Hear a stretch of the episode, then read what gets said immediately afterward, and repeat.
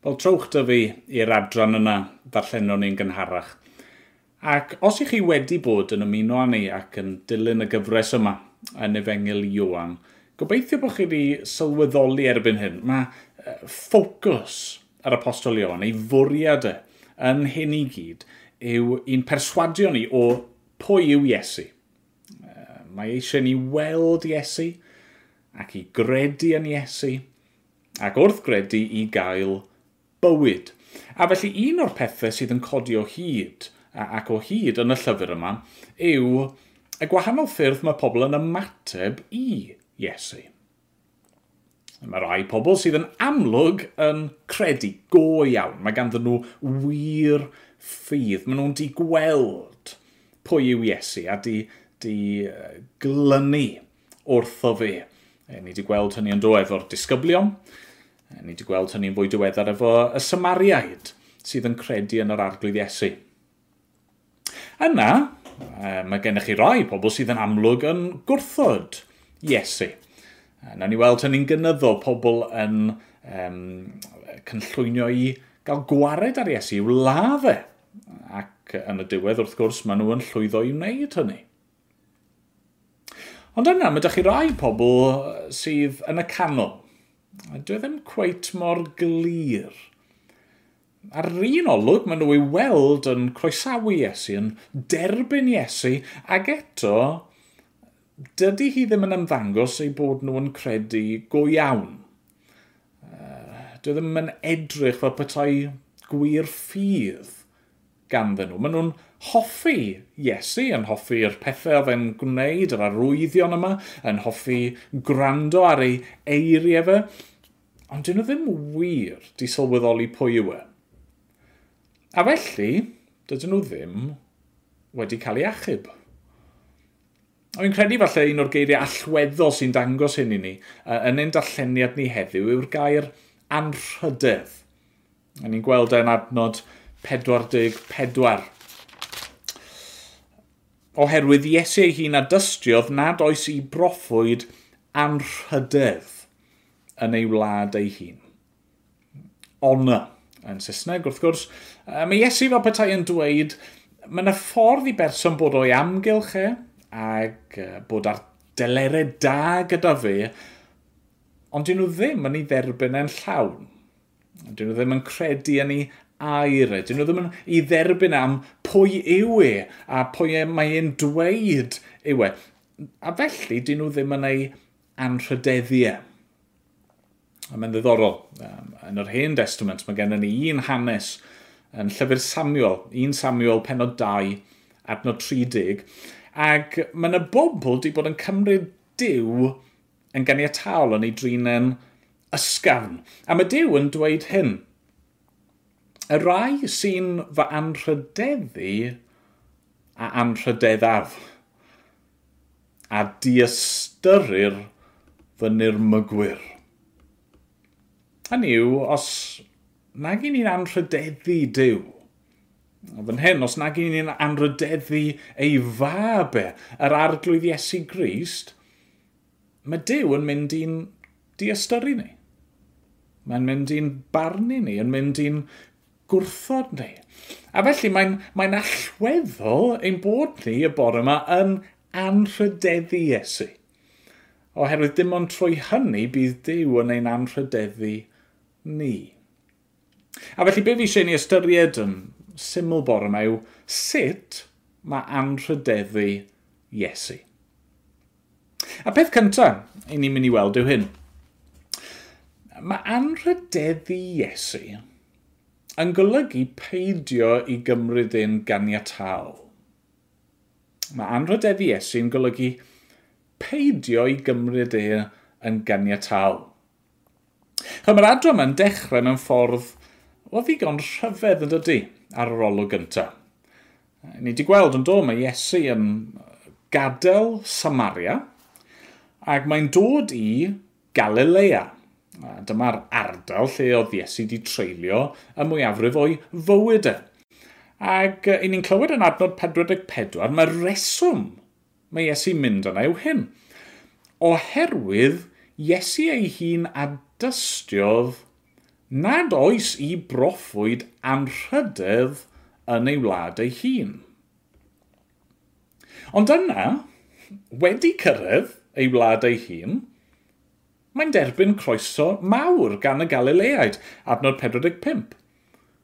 Pan gyrhaeddodd Galilea, croesawodd y Galileaid ef.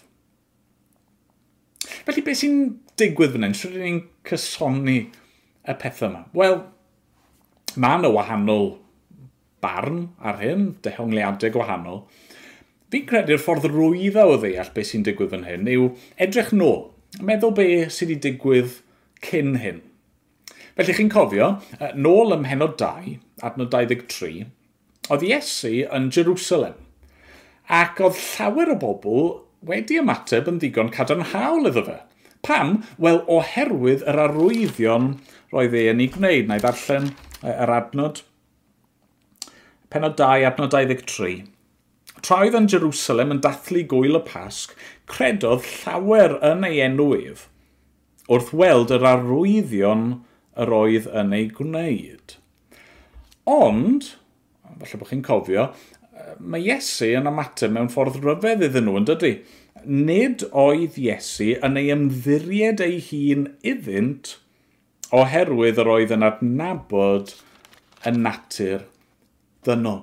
Dyw Iesu fel petai e ddim yn ymddiried ei hun yn llwyr i'r rhain achos mae e'n gwybod beth sydd yn ei calon nhw mae e'n gwybod bod nhw just yn, yn credu uh, yn arwynebol ynddo fe oherwydd yr rhyfeddodau, yr arwyddion oedd e'n gwneud. Mae nhw yn cymryd Iesu'n ganiataol. Oce, okay, ac yna, ar ddechrau penod pedwar, um, chi'n cofio, glywon ni fod Iesu yn denu lot o sylw ato fe ei hun wrth fydyddio gymaint o bobl. Penod pedwar adnod un.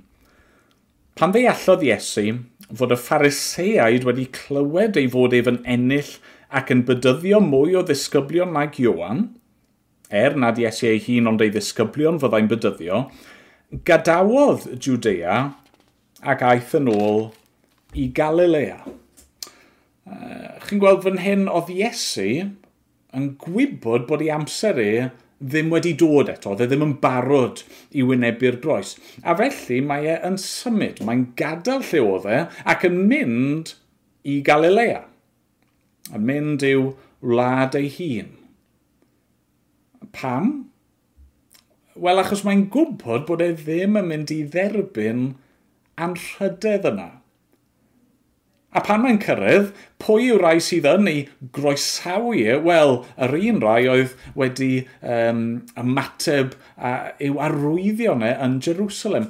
Chi'n gweld, y pwynt yw, mae Iesu fan hyn, mae wedi gadael lle oedd e, er mwyn osgoi sylw negyddol y phariseid, ond dwi e ddim eisiau mynd i rhywle lle mae uh, y bobl falle mynd i trial i goroni yn frenin uh, yn syth, a felly lle mae'n mynd, wel mae'n mynd i wlad ei hun.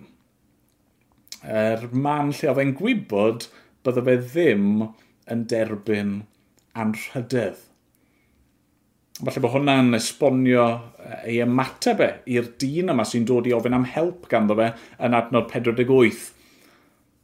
Dwedodd Iesu wrtho, heb i chwi weld arwyddion ar rhyfeddodau, ni chredwch chwi byth. Mae yna rhybydd difrifol i ni fan hyn yn does. Mae'n amlwg bod yna fodd i ni i fod yn agos at Iesu, i ryw fath o dderbyn a chroesawu Iesu, i e hyd yn oed i ryw raddau i, i gredu yn Iesu, ond heb ei anrhydeddiau. E. Heb fod â wir, ffydd a chibol ynddo fe. A doedd y bobl yma'r Galilea, dyn nhw ddim yn, yn wrthwynebus i Iesu. Maen nhw'n ei groesawu e. Ac eto, oherwydd uh, bod Iesu'n un ohonyn nhw, oherwydd uh, bod nhw'n gyfarwydd gyda fe, uh, oherwydd bod nhw'n meddwl bod nhw'n gwybod y cwbl amdano fe, ond nhw'n ei gymryd e'n gyniataol. A felly ond nhw ddim yn gallu gweld yn iawn pwy oedd e. Ni gyd i clywed o'r ymadrodd yn do. Um, familiarity breeds contempt Mae ni'n gallu bod yn wir weithiau, ond hyd yn oed os yw e ddim yn wir, mae bod yn gyfarwydd neu'n orgyfarwydd yn aml yn achosi ni gymryd pethau yn gyniatal. E, glywys i stori e, wych am e, e, un teulu o'n nhw ar bowlen yma yn eu tŷ nhw. Ac o'n nhw'n defnyddio'r bowlen yma i storio e, peli tennis a rhyw bits a bobs bach e, eraill. A fel trodd pethau allan, oedd yr bowlen yma oedd ganddyn nhw yn antic. Uh, yn antic uh, pryn iawn o China, ac uh, ar ôl darganfod hynny, wnaethon nhw werthu'r bowlen yma mewn ocsiwn am well, bron i 4 miliwn o bunnoedd. Y fowlen o'n nhw jyst yn, yn taflu pethau mewn iddo fe. Oedd e werth ffortiwn, werth cymaint mwy nag o'n nhw yn ystyried. Os chi wir eisiau anrhydeddu yr arglwydd Iesu Gris, dyma'r cam cyntaf. Mae'n rhaid i ni sicrhau bod ni ddim yn ei gymryd yn ganiataol, a bod ni ddim yn ei drin yn ysgafn bod ni ddim yn trial just defnyddio Iesu uh, am yr hyn uh, mae e'n gallu uh, cynnig, bod ni ddim just yn nesau at Iesu achos bod ni eisiau gweld rhyw rhyfeddodau a rhyw arwyddion. Falle bod hynny wedi bod yn wir amdano chi. Falle bod chi wedi dechrau mynd i'r capel neu wedi dechrau gweddio neu dechrau darllen y Beibl achos o'ch chi'n gobeithio, wel, gweld rhyw arwydd Neuwch chi'n gobeithio uh, cael rhyw help uh, mewn rhyw ffordd. Yn hytrach na bod chi'n ceisio Iesu ei hun. Neu falle bod rai ohono ni sydd, o, oh, ni mor gyfarwydd gyda Iesu. Ers ein plentyndod ni, ni mor gyfarwydd gyda mynd i oedfa, ni mor gyfarwydd gyda uh, yr un sy'n pregethu a um, i hanes nhw. Uh, I ni mor gyfarwydd gyda'r emynau i ni'n canu. Ni mor gyfarwydd gyda'r neges, yr efengil, fel bod ni ddim mwyach yn gweld pwy yw Iesu go iawn. Falle bod ni erioed i gweld, neu falle bod ni jyst i colli golwg ar y peth. I chi ddim yn ymostwng iddo fe fel mae e'n ei heiddi. I chi ddim yn cydnabod mae fe a fe yn unig yw gwaredwr y byd. I chi ddim di roi'ch ffydd chi ynddo fe yn unig am faddeiant eich pechodau, a felly, i chi ddim wedi anrydeddu e. Llun o'r peth cyntaf, ni methu, methu cymryd Iesu yn ganiataol. Ond yna ni'n dod i'r cam nesaf. Mae anrydeddu Iesu yn golygu gweld eich sefyllfa desbryd chi. Gweld mor anghennus, mor desbryd ydych chi. Fi wedi nodi'n barod fod yna ddyn yn dod at Iesu, a mae e angen help. Adnod 46. Roedd rhyw swyddog i'r brenin a mab ganddo yn glaf yng Nghapernaum Pan glywodd hwn fod Iesu wedi dod i Galilea o Judea, aeth ato a gofyn iddo ddod i lawr i achau ei fab, oherwydd ei fod ar fi'n marw. Oedd y dyn yma yn ddyn pwysig, yn swyddog i'r brenin Herod. Ni ddim yn clywed llawer mwy amdano na hynny ydyn ni, ond yr awgrym yw fod e'n berson pwysig – yn berson cyfoethog, yn berson oedd falle ddim di arfer gyda uh, gofyn am help a falle ddim yn ffeindio hi'n rwydd i gyfadde fod e angen help. Um, chi'n gallu dychmygu yr swyddog yma yn um, fodlon gwario uh, ei arian e a'r ddoctoried er mwyn gwella ei fab, e, ond dyw hynny ddim di gweithio. Ac erbyn y pwynt yma yn y stori, mae'n amlwg fod e'n desperat yn dydy. Mae'n dod at Iesu. A mae'n gofyn am help. Ac, wel, o ystyried yr ymateb cyffredinol oedd Iesu wedi gael yn y gymuned, chi'n gallu deall fod Iesu yn, yn, yn disgwyl fod y boi yma just eisiau gweld rhyw arwydd. A dyna pam mae'n gweud wrtho fe, heb i chwi weld arwyddion a rhyfeddodau, ni chredwch chi byth. Ond mae'n amlwg fod y dyn yma ddim, fel y gweddill. A mae e, di stopio cymryd Iesu'n ganiataol, mae e yn hollol desbryd yn dydy, adnod 49, meddai'r swyddog wrtho, tyrdi lawr, syr, cyn i'n plentyn farw. Mae ei blentyn e ei anwylid e, yn sal, yn ddifrifol wael. Mae'r tad yma wedi cyrraedd y pwynt o weld heblaw fod Iesu yn ymyrryd, mae fabe yn mynd i farw. A maen nhw'n dweud yn dyn nhw bod um, desperation yn galluogi rai pobl i wneud pethau anhygol. Um, Mae'n dechrau'r stori yna, mae'n mae stori ystrydebol. Fi'n siŵr bod e'n seiliedig ar ffaith uh, rhywbryd, ond um, y stori yna o fam sydd yn llwyddo i godi car er mwyn achub i plentyn hi sydd, uh, sydd wedi ei ddaw. Uh, hynny yw, mae mor um, desbryd uh, bod hi'n gallu gwneud rhywbeth bydda hi ddim fel arfer yn gallu i wneud. Ond on weithiau, dim ond pa mor desbryd i ni, dy ddim yn gwneud gwahaniaeth, ydy hi.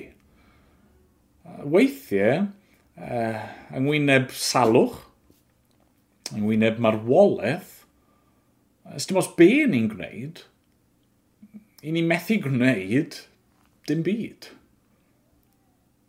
A dyna oedd sefyllfa'r dyn yma. A felly, mewn ffordd mae'n gwneud yr un peth olaf posib, sef dod at Iesu. Mae'n pledio gyda Iesu. A mae Iesu yn tosturio. Na'r cyn ni fynd ymhellach, mae'n ma, ma rhaid i ni weld fod profiad y teulu bach yma, yr swyddog a'i fabe, mae'n dysgu rhywbeth hynod hynod o bwysig i ni. Mae dyddiau tywyll yn gallu dod ym mhrofiad pawb. Yn gyfoethog neu'n glawd, yn hen neu'n ifanc. Dyw arian ddim yn gallu'n achub ni. A mae'n berygl yn does i feddwl weithiau, o, tyswn ni just efo chydig bach fwy o arian. Uh, tysa, tyswn ni'n gyfoethog, tysa dim rhaid i fi boeni am biliau a'r morgais a popeth arall, byddwn ni'n hapus, byddwn ni'n iawn. Wrth gwrs, celwydd yw hynny. Neu yn aml newch chi uh, ffindo pobl ifanc, uh, falle'n teimlo bod nhw'n invincible. Pan ych chi'n ifanc, dim byd yn gallu'ch cyffwrdd chi. Ond wrth gwrs, eto, dyw hynny ddim yn wir.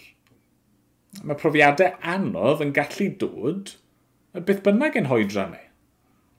Na, wrth gwrs, y tueddiad yw wrth i ni heneiddio, mae'n corff ni yn gwanhau a mae'n y fwy o achosion o salwch, ond, wel, fel ni wedi gweld efo Covid-19, mae'n gallu effeithio ar unrhyw un. Mae'r diwedd yn dod e, i ni gyd a, ac i ni ddim yn gallu gwybod pryd. Mae'r hanes yma yn dysgu ni fod bywyd yn fregus. E, os y'n ni'n gyfoethog neu'n dlawd, os y'n ni'n hen neu'n ifanc, y peth hanfodol e, yw ein bod ni'n dod yn iawn gyda Dyw, bod ein perthynas ni gyda fe yn iawn. Ys dim ot, uh, faint sydd ni yn y banc, ys dim ot, pa mor ifanc i ni. Mae'n rhaid i ni ddelio gyda perthynas ni gyda Dyw. A chi'n gweld yn rhyfedd iawn weithiau, mae colli pethau. Y pethau na ni'n cymryd yn ganiataol mewn bywyd, fel arian a diogelwch a a'n iechyd ni, na'r union ffyrdd i ni'n dod i sylweddoli'n hangen ni, yn dod i weld bod ni yn desbryd ac yn troi at ddiw. Chwbl, dyma uh, sydd ni'n anrhydeddu Iesu, trwy ddod ato fe yn waglaw, dod ato fe yn desbryd, cydnabod ein bod ni angen ei helpu yn bod ni'n methu achub yn hun, ond bod ni ei angen e, bod angen iddo fe ymyryd yn ein bywyd ni, a'n hachub ni. Wel, dydy Dyw ddim yn addo cyfoeth i ni. Dyw ddim yn addo iechyd i ni chwaith. Ond mae Dyw yn addo um, anrhydeddu ei anrhydeddwyr. Mae'n addo perthynas i ni.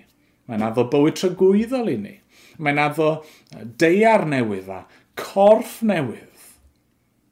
Chwa, mae'r hyn sydd yn digwydd ym mhrofiad y, yr mab yn yr hanes yma yn arwydd nid yn unig o pwy yw Iesu, ond mae'n arwydd hefyd o be mae e wedi dod i'w wneud, sef um, dad wneud effeithiau'r cwymp, sef um, dad wneud uh, pechod a salwch a marwolaeth.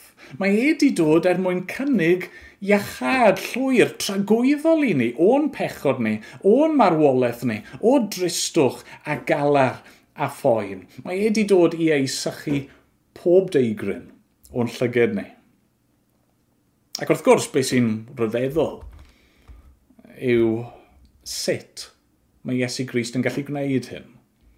Sut mae'n gallu cynnig bywyd trygwyddol i'r rhai sy'n credu ynddo fe.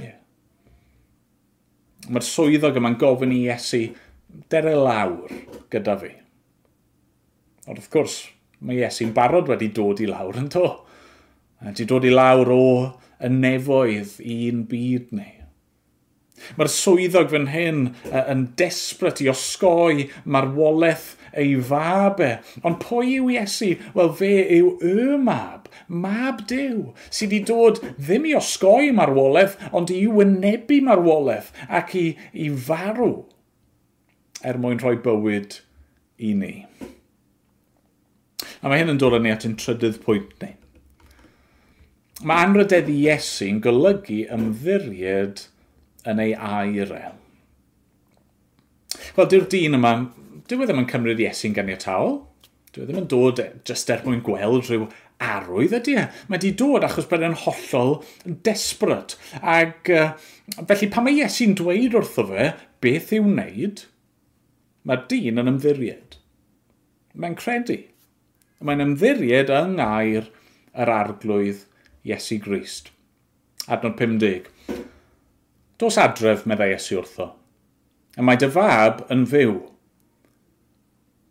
credodd y dyn y gair a ddywedodd Iesu wrtho, a chychwynodd ar ei daith.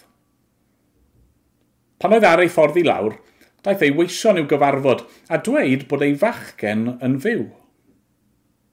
Holodd hwy felly am yr amser pan fi'r i'r bachgen droi ar wella. Ac at y basant ef, am un o'r gloch byn am ddoi y gadawodd y dwy mynydd. Yna sylweddolodd y tad mae dyna'r union awr dwedodd Iesu wrtho mae dy fab yn fyw. Ac fe gredodd, ef a'i deulu i gyd. Falle fod yr hanes yma'n gyfarwydd i lawer ohono ni.